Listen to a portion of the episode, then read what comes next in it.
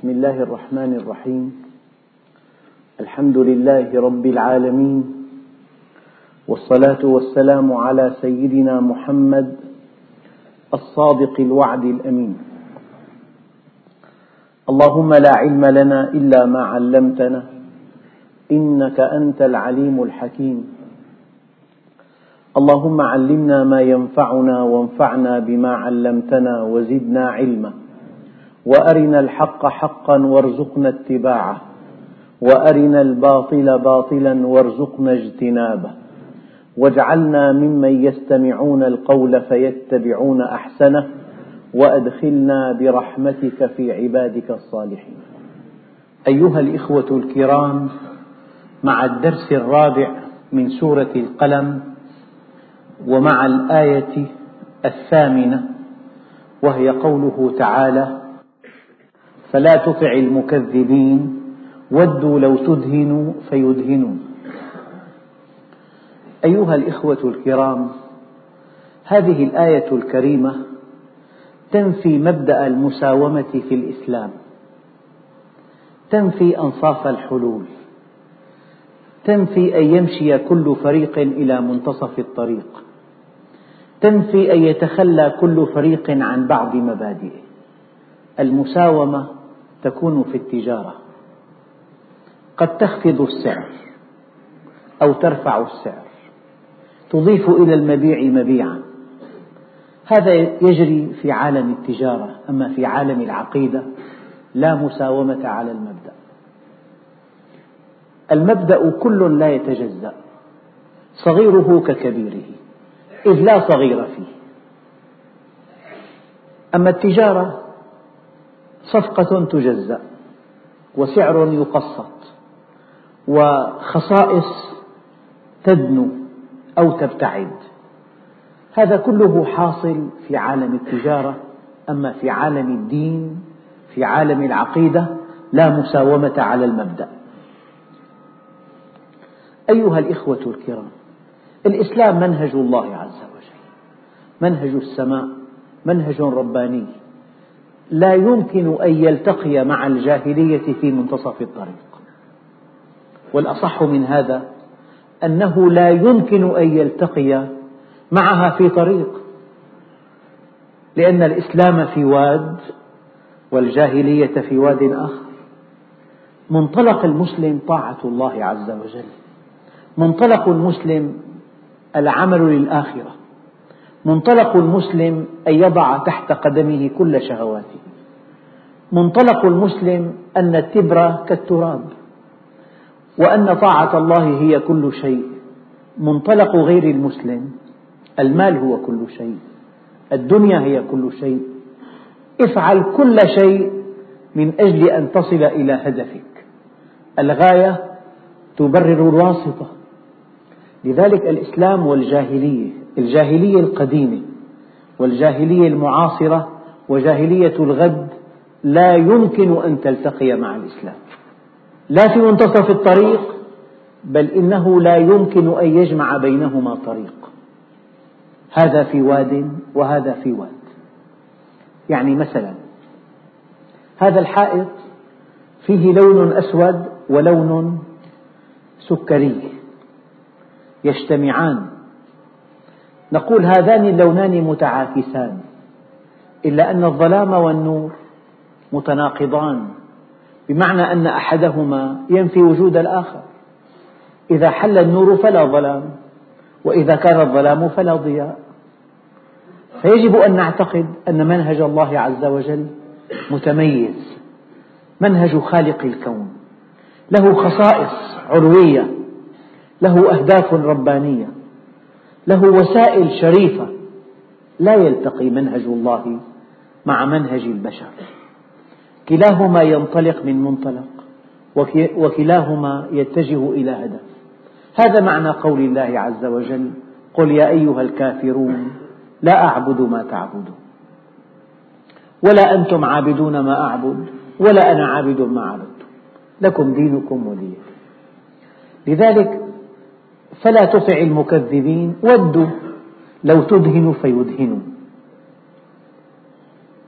أيها الإخوة أضع بين أيديكم ثلاث صور من سيرة رسول الله صلى الله عليه وسلم تجسد هذه الآية. ودوا لو تدهنوا فيدهنون لما رأت قريش أن رسول الله صلى الله عليه وسلم يدعو إلى الله ويسفه آلهتها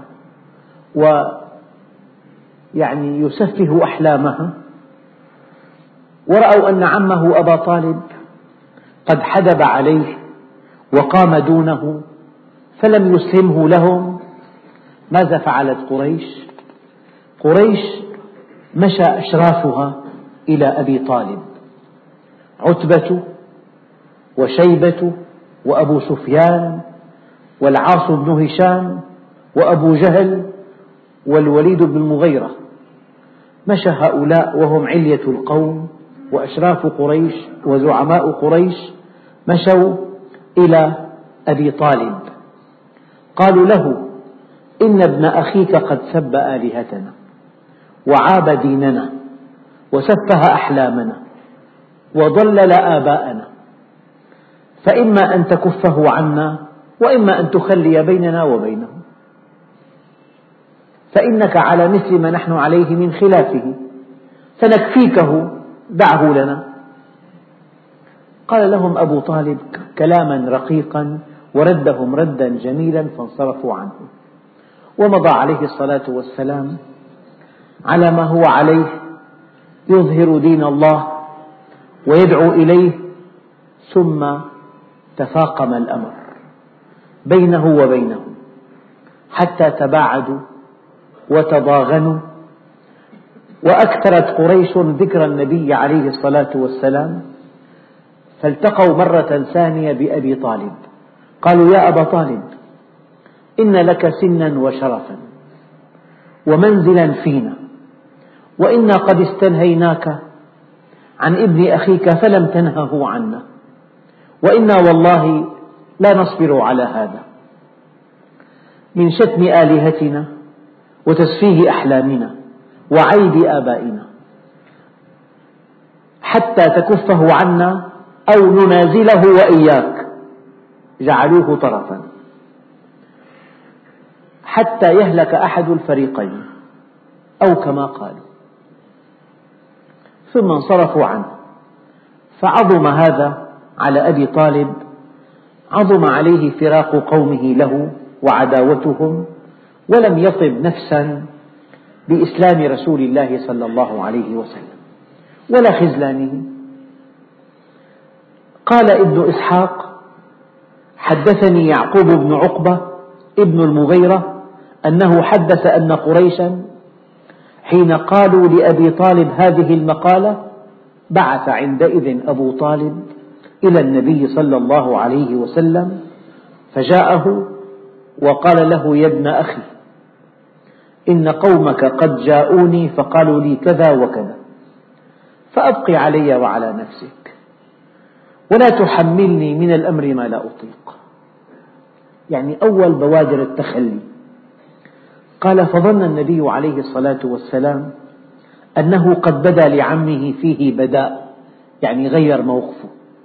اتخذ موقف جديد بدأ يتخلى عنه. وأنه خاذله ومسلمه وأنه قد ضعف عن نصرته والقيام معه. فقال عليه الصلاة والسلام هذه المقولة التي تجسد هذه الآية. قال والله يا عم لو وضعوا الشمس في يميني والقمر في يساري على أن أترك هذا الأمر ما تركته؟ حتى يظهره الله أو أهلك دونه. وبكى النبي عليه الصلاة والسلام. ثم قام. فلما ولى ناداه أبو طالب قال أقبل يا ابن أخي. فأقبل عليه النبي صلى الله عليه وسلم. قال اذهب يا ابن أخي فقل ما أحببت فوالله لا أسلمك لشيء أبدا. هذا موقف. بالدين ما في أنصاف حلول بالدين ما في مداهنة بالدين ما في مشي إلى منتصف الطريق لأنه منهج الله عز وجل كامل كمالا كميا وكمالا نوعيا. اليوم أكملت لكم دينكم وأتممت عليكم نعمتي ورضيت لكم الإسلام دينا. وكل مؤمن صادق في أي عصر هذا موقفه. بتساهل بكل شيء. إلا في أمر عقيدته. بتساهل في كل شيء إلا في أمر عبادته. بتساهل بكل شيء إلا في أمر الحلال والحرام. في أمر الحق والباطل. له موقف صلب. لين إلى أقصى درجة. إلا في الحق. فله موقف لا يتزعزع. كلمة لا يقولها بملء فيه. ولا يخشى لومة لائم.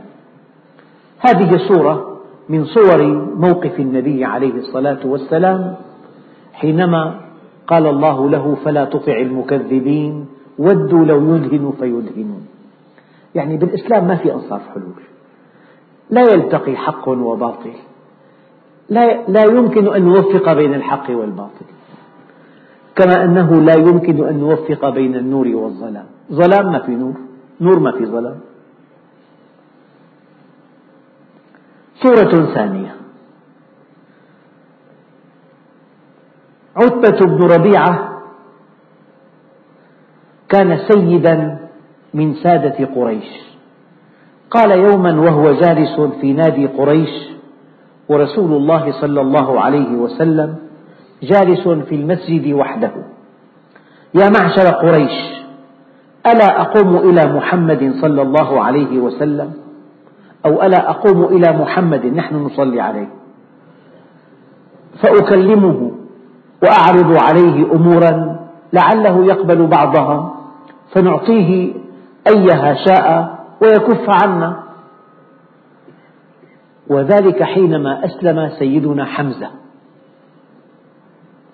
ورأوا أصحاب رسول الله يزيدون ويكسرون.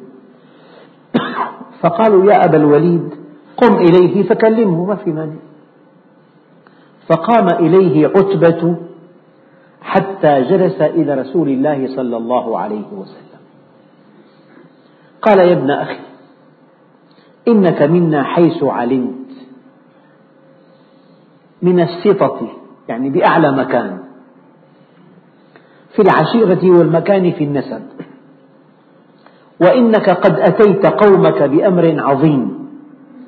فرقت به جماعتهم وسفهت به أحلامهم وعبت به آلهتهم ودينهم وكفرت بما من وكفرت به من مضى من آبائهم فاسمع مني أعرض عليك أمورا تنظر فيها لعلك تقبل بعضها ودوا لو تدهنوا فيدهنوا قال له النبي عليه الصلاة والسلام قل يا أبا الوليد أستمع إليك.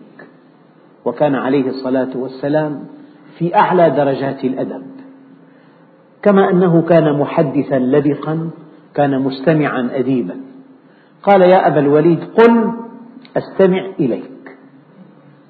قال يا ابن أخي إن كنت إنما تريد بما جئت به من هذا الأمر مالا جمعنا لك من أموالنا حتى تكون أكثرنا مالا.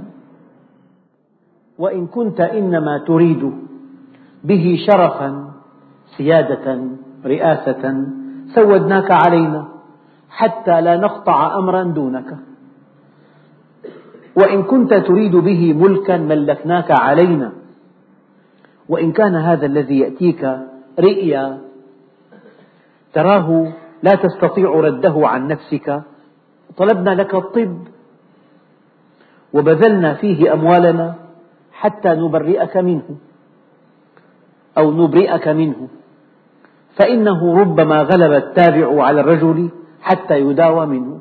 إذا معك هوس أو مرض أو لوسة ما أنت بنعمة ربك بمجنون. الآن هذه الشواهد أو هذه المشاهد تفسر هذه الآيات. حتى إذا فرغ عتبة ورسول الله صلى الله عليه وسلم يستمع إليه قال أقد فرغت يا أبا الوليد؟ انتهيت. قال نعم. فقال فاستمع مني. قال أفعل. يعني تفضل. فقال بسم الله الرحمن الرحيم. حاميم. تنزيل من الرحمن الرحيم. كتاب فصلت آياته قرآنا عربيا لقوم يعلمون بشيرا ونذيرا فأعرض أكثرهم فهم لا يسمعون. وقالوا قلوبنا في أكنة مما تدعون إليه وفي آذاننا وقر ومن بيننا وبينك حجاب فاعمل إننا عاملون. قل إنما أنا بشر مثلكم يوحى إلي أنما إلهكم إله واحد فاستقيموا إليه واستغفروه وويل للمشركين. ثم مضى النبي صلى الله عليه وسلم يتلو عليه هذه السورة بأكملها فلما انتهى إلى السجدة قام عليه الصلاة والسلام وسجد. ثم قال سمعت يا أبا الوليد ما سمعت؟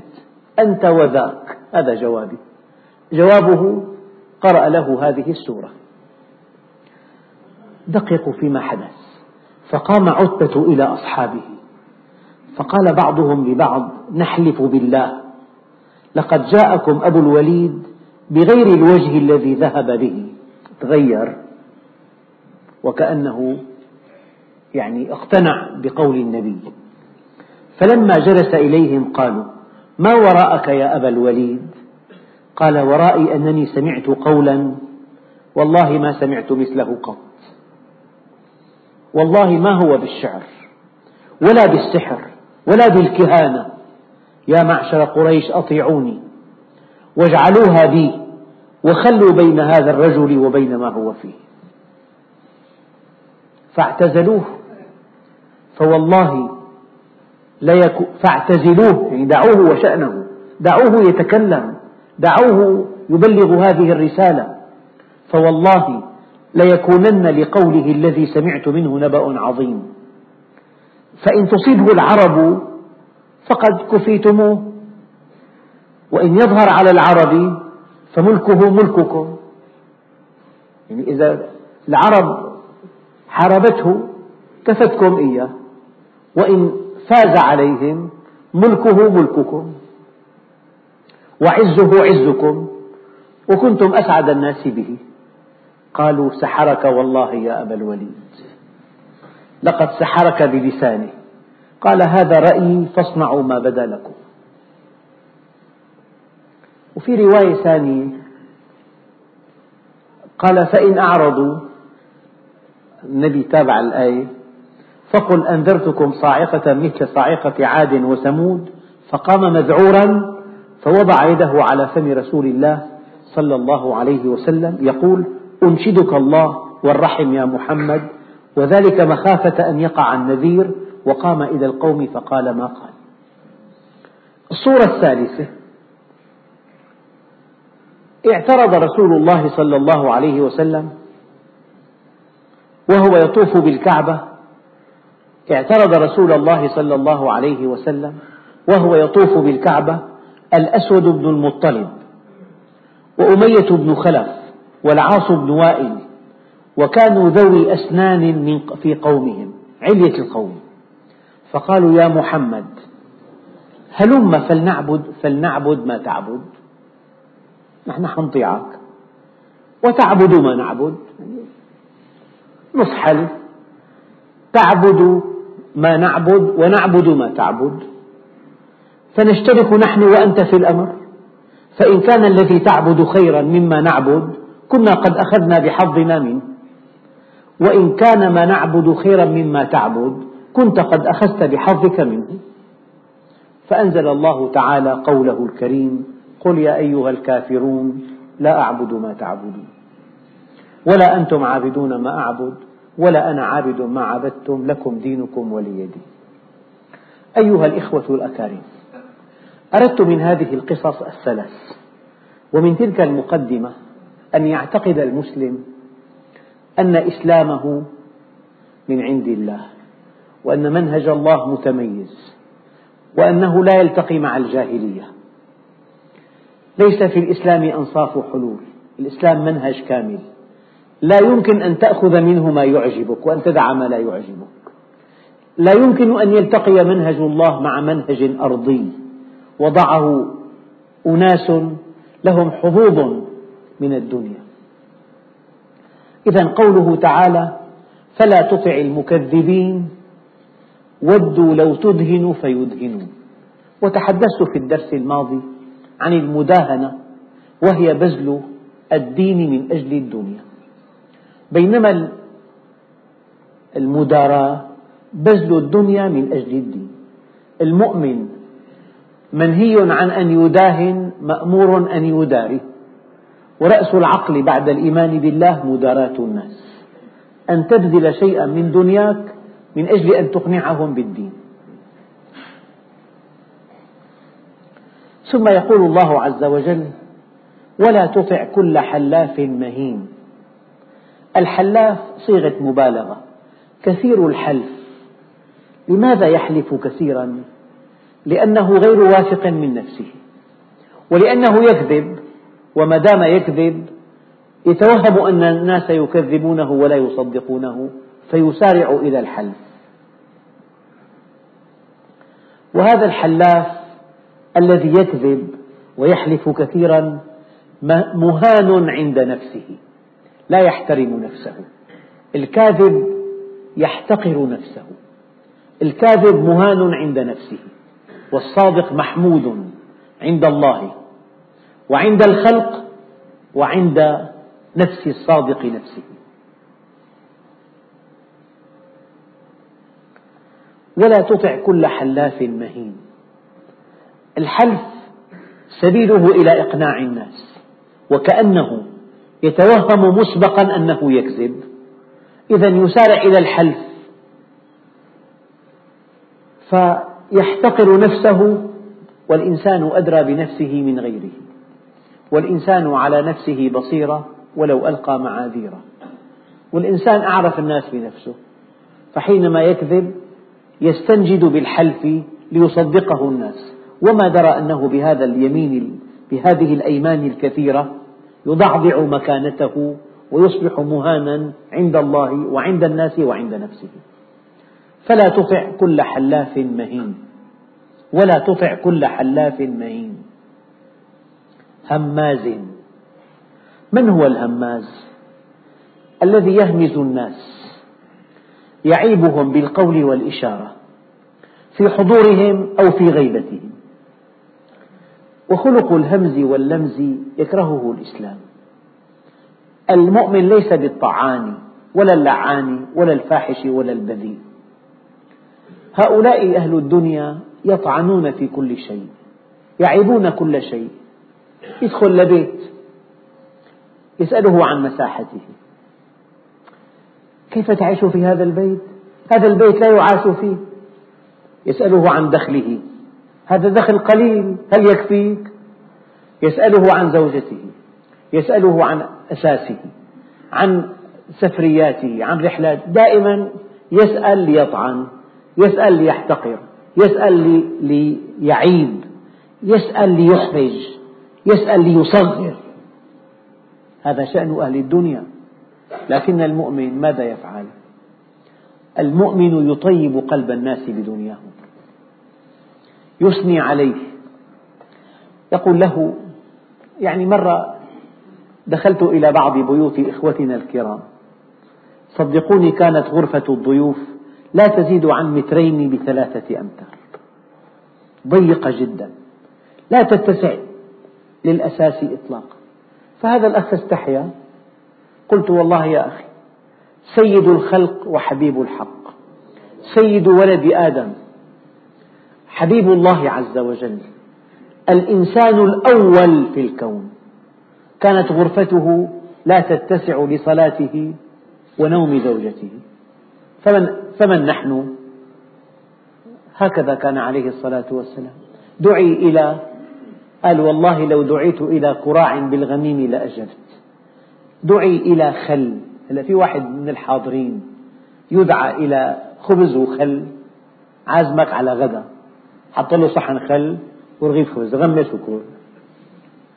من من يرضى بهذا الغداء؟ قال عليه الصلاة والسلام نعم الإدام الخل. المؤمن يطيب قلب الناس لا يصغرهم. لا يزدريهم من أجل دنياهم المتواضعة بالعكس يثني عليهم. قال عليه الصلاة والسلام نعم الإدام. اللحم لا. قال الجوع. أن تكون جائعا. إذا كنت جائعا رأيت كل طعام طيبا. فالمؤمن ليس ليست مهمته أن يضعضع ثقة الناس بأنفسهم ولا أن يزدري أساس بيتهم. ولا مساحة بيتهم ولا دخلهم المتواضع ولا صحتهم المتعبة هو مهمته أن يرفع معنويات الناس يربيهم بما هم فيه. أما هذا ولا تطع كل حلاف مهين هماز. يعني لسانه هو النقد دائما ينتقد. ينتقد بيتك ينتقد دخلك ينتقد أولادك ينتقد ما أنت فيه ينتقد ما عنده غير النقد. والتصغير والاستعلاء والكبر والزهو قال هذا لا تسمع كلامه. لا تطع كل حلاف مهين هماز مشاء بنميم. مشاء بنميم. يقول عليه الصلاة والسلام لا يدخل الجنة قتات. لا يدخل الجنة قتات. النميمة من الكبائر. من الكبائر التي تمنع من دخول الجنة. ما النميمة؟ أن تنقل لإنسان قولا قال, قال فيه إنسان. فلان قال عنك كذا وكذا. ما فعل شيئا. ما قتل إنسان. لا قتل ولا زنى ولا شرب خمر بس قال, قال كلمة. فلان قال فيك كذا وكذا. قال عليه الصلاة والسلام لا يدخل الجنة نما قتات أي نمام. وفي الصحيحين أن النبي صلى الله عليه وسلم مر بقبرين فقال عليه الصلاة والسلام إنهما ليعذبان. وما يعذبان في كبير أما أحدهما فكان لا يستتر من البول وأما الآخر فكان يمشي بالنميمة. يعذب في قبره لأن النمام يمزق شمل المسلمين. يمزق شمل الأسرة الواحدة. يمزق شمل الشركة. يمزق شمل القبيلة. دائما في عداوات. هلا اذهب إلى أي مكان. دائما إنسان ضد إنسان. ضمن الأسرة الواحدة المجتمع الواحد الدائرة الواحدة المدرسة الواحدة المستشفى الواحدة. في أي دائرة؟ فلان ضد فلان فلان ضد فلان. لماذا؟ لأنه في مشاء بنميم. فلان قال عنك كذا وكذا. ينم له وينم عليه. وكان عليه الصلاة والسلام يقول لا يبلغني أحد عن أحد من أصحابي شيئا. فإني أحب أن أخرج إليكم وأنا سليم الصدر. يعني إنسان يحب إنسان. لا تزعزع هذه العلاقة بينهما. لا تزعزعها.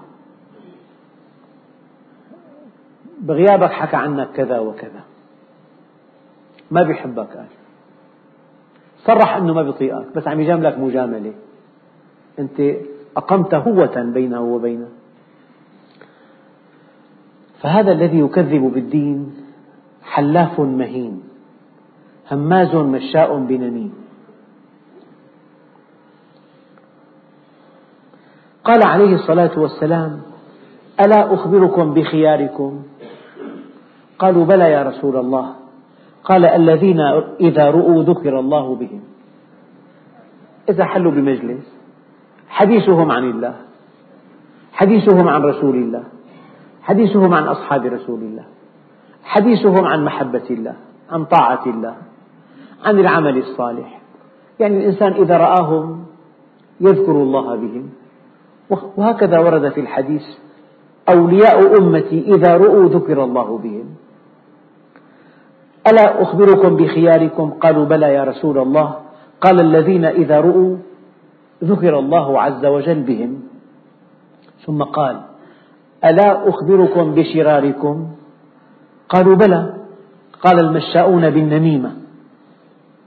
المفسدون بين الأحبة الباغون للبراء العين. تقعد بمجلس والله فلان ما شاء الله حوله. أخلاقه عالية. سمته حسن مستقيم لا دجال كبير. لا تصدق. كل ما شعروا أنه في إنسان بيحب إنسان بيقدر إنسان طعنوا به. بغار. وقد يطعن وهو جاهل. وقد يطعن وهو غير محق. وما في معه دليل. لكن لا يحتمل أن يرى إنسانين متعاونين إنسانين متحابين. إنسانين متآخيين. نعم. ألا أنبئكم بشراركم نفسه عن فعل الخير وينهى غيره. يعني فاسد مفسد ضال مضل. مانع نفسه ومانع غيره. لا اجلس مع إنسان من أهل الدنيا. تتصدى؟ شو مجنون أنت؟ هذا المال أبقه ليوم أسود. أيامه كلها سوداء أساسا. هو يدعو للبخل يأمر بالبخل وينهى عن فعل الخير مناع للخير. في معنى دقيق جدا أنك إذا فعلت معه معروفا رد على معروفك بالإساءة. فمعظم الناس إذا رد عليهم بالإساءة حلفوا ألا يفعلوا خيرا. أيام بتكون أنت وسيط بين اثنين. تأتيك متاعب لا حصر لها. فالإنسان بحكم فطرته يبتعد عن هذه المشكلات. لذلك النبي عليه الصلاة والسلام قال من خالط الناس وصبر على أذاهم خير ممن لم يخالطهم ولم يصبر على أذاهم. مناع للخير معتد أثيم. يعني بصراحة إذا أقرضت إنسان قرضا ولم يؤده لك وحلف هذا المقرض ألا يفعل هذا مرة ثانية مع أحد هذا الذي أخذ مال الناس ولم يؤده هو مناع للخير. لأنه حمل حمل هذا الإنسان على ألا يفعل خيرا. إذا إنسان استعار حاجة من إنسان ولم يرده إليها يردها إليه في الوقت المناسب هو الذي يمنع الخير. إذا إنسان ركب إنسان بمركبته وكان معه شيء ممنوع والمركبة صادرت ما عاد يركب حدا إنسان بالأرض. هلأ بتلاقي واحد راكب لحاله المركبة إنسان ما بيوقف بيخاف. لعل معه تهريبة معه شيء غير نظامي يتورط معه. فكل إنسان يفعل معه خير. ثم يقابل هذا الخير بالإساءة. هو الذي يمنع الماعون. إنسان بالصحراء رأى رجل يعتلي فرسا فأشار إليه أنه متعب جدا لو أركبه خلفه. هذا الفارس رق له حر شديد دعاه إلى ركوب الفرس خلفه. ما إن اعتلى هذا الإنسان ظهر الفرس حتى دفع صاحبها إلى الأرض وعد بها لا يلوي على شيء. ماذا قال له صاحب الفرس؟ يا هذا لقد وهبت لك الفرس ولن أسأل عنها بعد اليوم ولكن إياك أن يشيع هذا الخبر في الصحراء فتذهب منها المروءة وبذهاب المروءة يذهب أجمل ما فيها. خمسمئة ألف بيت بالشام مغلقة بالمفتاح لا تؤجر. أنه آلاف المستأجرين دخلوا شهر هي 12 سنة له ما بيطلع. هي المحاكم بيقول له. المستأجر الذي لا يرعى عهدا ولا ذمة هو الذي يمنع الخير. في عنا أزمة إسكان مو أزمة سكن إسكان. خمسمائة ألف شقة في دمشق مغلقة ولا تؤجر. من الذي سبب هذه الحالة المستعصية المسدودة؟ الذين استأجروا بيوتا فلم ينفذوا ما وعدوا به. خلاص لك إذا كان أجرتها انتهت راحت الشقة انتهى الأمر. يعني هذا منع الخير. إنسان أقرضك ما بترد له. بس شهر هي السنة الخامسة. أخي هي المحاكم اشتكي علي ما معي. أعطيك. بقسوة بلؤم. هو طالب المبلغ وديع لطيف. بعد أن يتملك المبلغ لا يعبأ بك ولا بتوسلاتك. بتدين بضاعة. ما بيعطيك الزبون ببيعها. بضاعة ثمنها بجيبه بيزوج أولاده بيرفه حاله. بيقول لك ما معي طيب وين البضاعة بعناها؟ وصرفناها. هذا الحاضر. اشتكي علي هذا هو منع الخير. إذا باعك بضاعة بالدين لا تؤدي ثمنها له. إذا أقرضك لا تؤدي الثمن. إذا أجرك بيت ما تطلع منه. ركبك بالمركبة معك بضاعة مهربة. يعني إذا صار حادث إنسان بدافع من مروءته ينجد هذا الجريح يحطوه ثلاث أيام بالسجن طبعا الآن تعدلت الحمد لله تعدلت ما بقى في مسؤولية. بتبرز قويتك فقط تروح. وإلا في ناس ماتوا نزيف. هذا الذي يشدد على من نقل هذا المصاب المصاب يشدد عليه يضعه في السجن بلا عدل هذا يسبب منع الخير.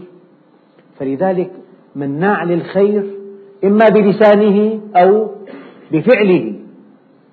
كل ما واجهت إنسان له عمل طيب بالإساءة منعت الخير. حتى صار الإنسان إذا إنسان فعل خير يستغرب. شو مجنون. صار الأصل ألا تفعل الخير. الأصل اللؤم. الأصل الإساءة. فالخير صار نادر. حتى إذا فعل إنسان الخير بدا وكأنه شاذ. وشك الناس فيه. شو مقصده؟ ما له مقصد. عم يفعل خير الآن صار فعل الخير له تفسير سيء. الأصل لأنه مناع للخير. قال بفرنسا أرادوا أن يمتحنوا الدافع الإنساني في المجتمع. فجاءوا بسيارة على أكثف طريق بين باريس وليون وضعوا السيارة مصابة بحادث وإنسان شبه جريح يعني حطوا له حبر أحمر كأنه جريح ويستغيث. ست ساعات مضت قبل أن تقف أول سيارة لتسأل ما به. مناع للخير. لي صديق كان بلندن. قال لي رأيت امرأة قبل مئة متر وقعت في الأرض. والرصيف عليه كثافة كبيرة جدا. مئة متر ما خطر في بال واحد من الناس أن ينهض هذه المرأة ليسأل ما لها. فلما وصل إليها أنهضها قالت له أنت غريب عن هذه البلاد. عرفت أنه غريب لأنه أنهض وسأل عن حاجته. مناع للخير. صفة المؤمن فعال للخير والكافر مناع للخير. يكبر عليه أن تعاون الناس أن ترحمهم. أن تنصحهم. يعني مرة أجا إنسان قابلني سألني عن دروس المسجد يعني هو يجري درجة دكتوراه في بلاد الغرب. عنده موضوع. قال لي ماذا يأتيك من هذه الدروس كلها شو ما فهم. لماذا تفعل هذا كله؟ لا يستوعب الإنسان الغربي لا يستوعب عمل صالح أبدا. لا يتحرك إلا بالمال. مرة صديق عرض على مندوب شركة كلمة حق. قال له هذا الأمر لا يعنيني إطلاقا. أنا تعنيني امرأة جميلة وسيارة فارهة ومنزل واسع فقط. ولو علم الله فيهم خيرا لأسمعهم. ولو أسمعهم لتولوا وهم معرضون. كلمة مناع للخير كل إنسان يسيء إلى من أحسن إليه فهو مناع للخير. وما أكثر الأعمال الصالحة التي كانت في السلف الصالح. الآن تضاءلت تضاءلت إلى درجة لا تجد إنسانا يفعل خيرا. إنه كما يقولون هذه ليست آية وليست حديث إطلاقا. وليست حكمة. اتق شر من أحسنت إليه. ليست آية ولا حديثا ولا حكمة. بس كلمة يتذرع بها الناس ليمتنعوا عن فعل الخير. مناع للخير معتد أثيم. كل إنسان يعتدي على أموال الناس أو على أعراض الناس أو على نفس قلوب الناس بالغيبة والنميمة. أو ينظر إلى نسائهم أو يأخذ أموالهم. هو معتدي يعني هذا الذي يرفع المذياع إلى أعلى درجة. أيام امتحانات. هذا معتدي. هذا الذي يطلق لأهوائه العنان دون أن يرعى حقا لجار. هذا معتدي هذا الذي يتأمل محاسن امرأة لا تحل له هذا معتدي هذا الذي يدير حديثا عذبا مع امرأة لا تحل هذا معتدي هذا الذي يحتال على الناس فيأخذ أموالهم ابتزازا هذا معتدي معتد أثيم. أما أثيم متلبس بالمعصية دائما حتى صارت صفة مشبهة له. أثيم على وزن فعيل. كل حركاته وسكناته اسم. أينما جلس يبحث عن اللذة المحرمة. أينما حل يبحث عن معصية. يبحث عن شيء يعصي الله به. معتد أثيم. يعني هذا الذي يرفض هذا الدين. حلاف مهين. مشاء بنميم عتل بعد ذلك زنيم. العتل هو الغليظ الجافي والأكول الشروب والشره المنوع الفظ في طبعه اللئيم في نفسه السيء في معاملته. هذا تعريف العتل عتل. الغليظ الجافي. قال له أختي أختك عم تغلبني. زوجها قال له طلقها. غليظ. الغليظ الجافي. الأكول الشروب. الشره المنوع. الفظ في طبعه. اللئيم في نفسه. السيء معاملته. عن أبي الدرداء رضي الله عنه. قال العتل كل رغيب الجوف وثيق الخلق أكول شروب جموع للمال منوع له. شر الناس من يعيش فقيرا ليموت غنيا. يموت ويدع ثروة طائلة لأولاد جهال. يقال لابنه إلى أين أنت ذاهب؟ قال لأشرب الخمر عن روح والدي. جمع فأوعى ومنع فلما توفي ورث هذا المال جهول منحرف شاذ فأنفقه في المعاصي والآثام. وأندم الناس من عاش فقيرا ليموت غنيا. وأندم الناس من دخل بماله النار. أيها الإخوة الكرام هذه صفات أهل الدنيا. عتل. يعني يأكلون أطيب الطعام. في بعض البلاد النفطية تجري ولائم بتكلف مئات الألوف. يعني جمل صغير محشي. يأكل الضيف وقية الباقي يرمى في القمامة. مئات ألوف الليرات وريالات يرمى في القمامة. أكول شروب فظ لئيم منوع للخير.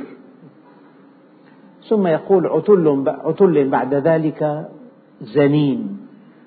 قال الزنيم هو الذي لا نسب له لا ينتمي إلى أمته لصيق بها. مولود في بلاد المسلمين أما فكره غربي عاداته أجنبية. يعني يرى أن الإسلام شيء تخلف. هؤلاء يعيشون وراء العصر. أما هؤلاء الأجانب الذين يتبادلون الزوجات ويرتكبون المحرمات. وزير صحة بريطاني في الوزارة الجديدة في مؤتمر صحفي قال أنا شاذ جنسيا. وزير صحة. شو هذا؟ قال من هوي الكفرة حشر معه ولا يمنعه ولا ينفعه عمله شيئا. من هوي الكفرة حشر معهم ولا ينفعه عمله شيئا. فهذا الزنيم لصيق ليس من هذه الأمة ليس من تراثها ليس من دينها ليس من أخلاقها ليس من مروءتها. زنيم عرف الزنيم أيضا بلؤمه وخبثه وكثرة شروره. الزنيم الزنيم. الزنيم الزنيم. الزنيم الزنيم. والعوام تعبر عن هذا الإنسان الشرير ابن حرام لك هذا هو الزني نعم. ثم يقول الله عز وجل أن كان ذا مال وبنين يعني قد يكون غنيا وقد يكون له أولاد وله مكانة لكنه حلاف مهين هماز مشاء بنميم مناع للخير معتد أثيم عتل بعد ذلك زنيم أن كان ذا مال وبنين. المال لا يرفع صاحبه. الله عز وجل أعطى المال لمن لا يحب. وأعطاه لمن يحب. ما دام قد أعطى المال لمن لا يحب ولمن يحب إذا ليس مقياسا. انتهى المال. المال ليس مقياسا. أن كان ذا مال وبنين. يعني الله عز وجل أكرم إنسان بالمال يستعلي على عباد الله. أكرم إنسان بالمال يعصي الله به ينفقه في المعصية. بالمناسبة أيها الإخوة كل الحظوظ التي يؤتيك الله إياها. تأكد أنها ليست نعما كما أنها ليست نقما. إنها ابتلاء. فإذا أنفقت هذه الحظوظ في طاعة الله انقلبت إلى نعم. وإن أنفقتها في معصية الله انقلبت إلى نقم أبدا. فالمال ليس نعمة. نعمة إذا أنفقته في طاعة الله. سيدنا ابن عوف قالت عنه السيدة عائشة أخشى أن يدخل ابن عوف الجنة حبوا. فلما بلغه هذا الكلام قال والله لأدخلنها خببا وما علي إذا كنت أنفق مئة في الصباح فيؤتيني الله ألفا في المساء. فالمال إذا أنفقته في طاعة الله انقلب إلى نعمة إلى نعمة. طلاقة اللسان إذا أنفقتها, أنفقتها في ذكر الله وفي إقناع الناس بالخير. هذه نعمة كبيرة فصاحة اللسان. أما إذا كانت فصاحة بالباطل هذه نقمة. الوسامة إذا كانت من أجل أن تجذب الناس إليك أما إذا كانت من أجل أن توقع, توقع النساء في شباكك فهذه نقمة. فكل حظ من حظوظ. الإنسان. إن وظفه في الحق كان نعمة. إن أنفقه في الباطل كان نقمة. إذا أن كان ذا مال وبنين إذا تتلى عليه آياتنا قال أساطير الأولين. أي غيبيات تخلف فكر مهزوز لك غيبيات لا تقدم ولا تؤخر. دعك من هذا. حدثنا بالواقع حدثنا بالمال بالبيوت. بالتجارات. إذا تتلى عليه آياتنا قال أساطير الأولين. هذا الذي كذب بآيات الله وكان حلافا مهينا همازا مشاء بنميم. كان مناعا للخير معتد أثيم. كان عتلا بعد ذلك زنيم. وكان ذا مال وبنين. إذا تتلى عليه آياتنا قال أساطير الأولين. هذا الجواب سنسمه على الخرطوم. أكرم شيء بالإنسان رأسه وأجمل ما في رأسه وجهه وأشرف مكان أنفه. وقيل فلان عنده أنف عنده يعني عزة. فلان يأنف أن يفعل هذا. هذا الأنف رغم أنفه أنفه راغم في التراب. فالأنف أبرز شيء بالوجه وأشرف عضو. قال هذا الأنف سنسمه على الخرطوم سوف نذله. نسيمه أي من الوسم كان العبد له وسمة خاصة. يعني يحمى تحمى أداة حاد أداة حديدية ويكوى بها وجهه. هذا عبد يعني. قال سنسمه على الخرطوم. يعني سوف يذل. الإنسان حينما يستكبر عن الحق يذله الله عز وجل ويضعه في أسفل سافلين. وهذا شيء دقيق جدا قبل الآخرة في الدنيا الذي يعادي أهل الحق. يعني مثلا لما ربنا عز وجل قال إن تتوبا إلى الله فقد صغت قلوبكما وإن تظاهرا عليه فإن الله هو مولاه وجبريل وصالح المرسلين وصالح المؤمنين والملائكة بعد ذلك ظهير. يعني معقول من أجل امرأتين أن يقول الله عز وجل فإن الله هو مولاه وجبريل وصالح المؤمنين والملائكة بعد ذلك ظهير. يعني من أجل جندي تكلم كلمة من نستنفر خمس فراق وسلاح الطيران وسلاح معقول معنى الآية أيها الإخوة أن أي إنسان حدثته نفسه أن يقف في خندق معاد للدين. أي إنسان حدثته نفسه أن يطعن في الدين. أن يطعن بأنبياء الله الصالحين. أن يضعضع مركز الدين في المجتمع. ليعلم من هو من هو خصمه. هذا معنى الآية. ليعلم من هو خصمه. الله ورسوله. وصالح المؤمنين والملائكة. فأنت لا تقوى على أن تنبس ببنت شفا. يعني أشقى الناس قاطبة هو الذي يقف في خندق معاد للدين. هو الذي يريد أن يطفئ نور الله بفمه. هو الذي يريد أن يمنع آه، مساجد الله أن يذكر فيها اسمه ويسعى في خرابها. أي إنسان يقف في خندق معادي للدين هذا أشقى الناس قاطبة. سنسمه على الخرطوم. سوف نذله في الدنيا والآخرة. سوف نمرغ أنفه في الوحل سوف يلقى عذابا مهينا. وهذا شيء ثابت. أوضح دليل النبي عليه الصلاة والسلام دعا إلى الله بإخلاص شديد وتضحية بالغة هو وأصحابه. أين هم الآن؟ النبي الكريم في مجتمع يزيد حجمه عن مليار ومئتين مليون. كيف يذكر النبي؟ بالتعظيم. كلما ذكر النبي نقول صلى الله عليه وسلم. سيدنا الصديق سيدنا عمر سيدنا عثمان سيدنا بلال الحبشي سيدنا زيد كان أسود اللون أفطس الأنف.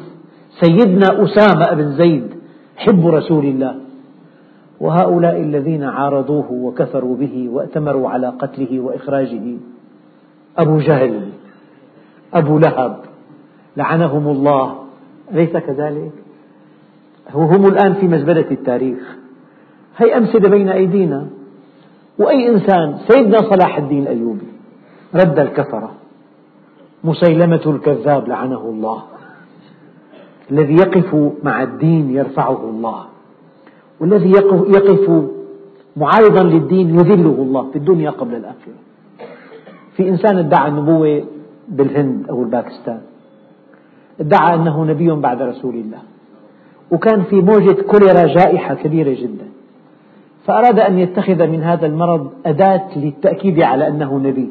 قال أنا لن أصاب بهذا المرض لأنني نبي. مات بهذا المرض في المرحاض.